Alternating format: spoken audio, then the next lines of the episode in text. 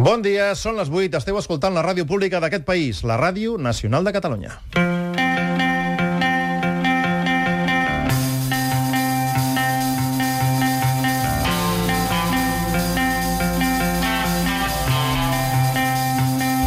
Comencem avui la programació d'estiu a Catalunya Ràdio amb un matí totalment renovat, adaptat a aquestes dates, pensant que teniu ganes ja d'esvergir-vos i tot que us seguirem informant puntualment dels fets que marquin l'actualitat i mirarem de mantenir el mateix rigor i la mateixa pluralitat que sempre han caracteritzat aquest programa. Hem preparat eh, molts continguts perquè per uns dies també puguem parlar de sèries de televisió, de receptes de cuina, d'horts urbans, de paradisos particulars, d'arguments operístics o de músics per descobrir.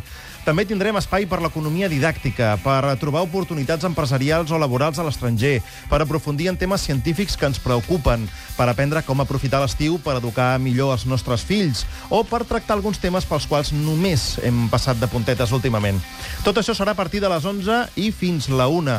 Abans seguirem parlant amb voracitat informativa de fins a quin punt la justícia castigarà els corruptes com es mereixen, de si hem de preparar-nos per un nou rescat financer, de si som capaços de construir un futur amb un bri d'esperança per als més desafavorits, o de si la transició nacional d'aquest país és una realitat o encara no és més que un miratge suggestionat pel desig de milers i milers de persones. De moment, avui estarem pendents, evidentment, de la persona que marca el pas a la política espanyola, Luis Bárcenas, que torna a declarar davant del jutge. Aquest cop, però, després de revelar a través del diari El Mundo que ja no té cap compromís amb el seu partit, el PP, ni amb el seu padrí, Mariano Rajoy.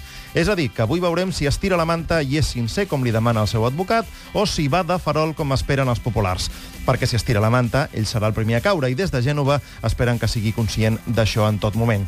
Un cop Bárcenas s'ha decidit a jugar amb els mitjans de comunicació, hem sabut més detalls de les intimidacions que es fan els uns als altres, de xantatges en possibles camps de turc, de testimonis que tenen accidents estranys, de la família que protegeix els seus i del padrí de tots ells. Si Mario Puzo fos viu, ja n'estaria prenent nota. Però el PP diu que tot això li importa zero. Esperem que després d'assegurar ara fa un any que Bárcenas era un exemple de netedat, no se n'hagin de desdir avui mateix, perquè realment ens agradaria molt que tot això fos mentida. Mentrestant, l'alternativa al govern, el PSOE, ja demana la dimissió de Rajoy obertament, mentre mira de reull el cas del zero andalusos, creuant els dits perquè l'efecte boomerang no els faci fora de la Junta, i també mirant de portar solucions als altres dos volcans que el mateix Robalcaba criticava que el seu rival no sabia com gestionar, l'atur i Catalunya. Del primer ja vam veure quina gestió en feien fa uns anys, i del segon, la proposta federalista va prenent cos. Però la pregunta eh, que sorgeix després de les dificultats que té el PSC per expressar-se en veu pròpia és si seran capaços d'aplicar un model federal en un estat si no saben com fer-ho dins el seu propi partit. En fi, que l'actualitat no descansa, tot i que ja siguem a 15 de juliol i no podrem perdre el fil de l'actualitat en cap moment durant l'estiu. El futur cada cop és més a prop i a molts ens marcarà per sempre. Benvinguts al Matí de Catalunya Ràdio. El matí de Catalunya Ràdio amb Marc Garriga.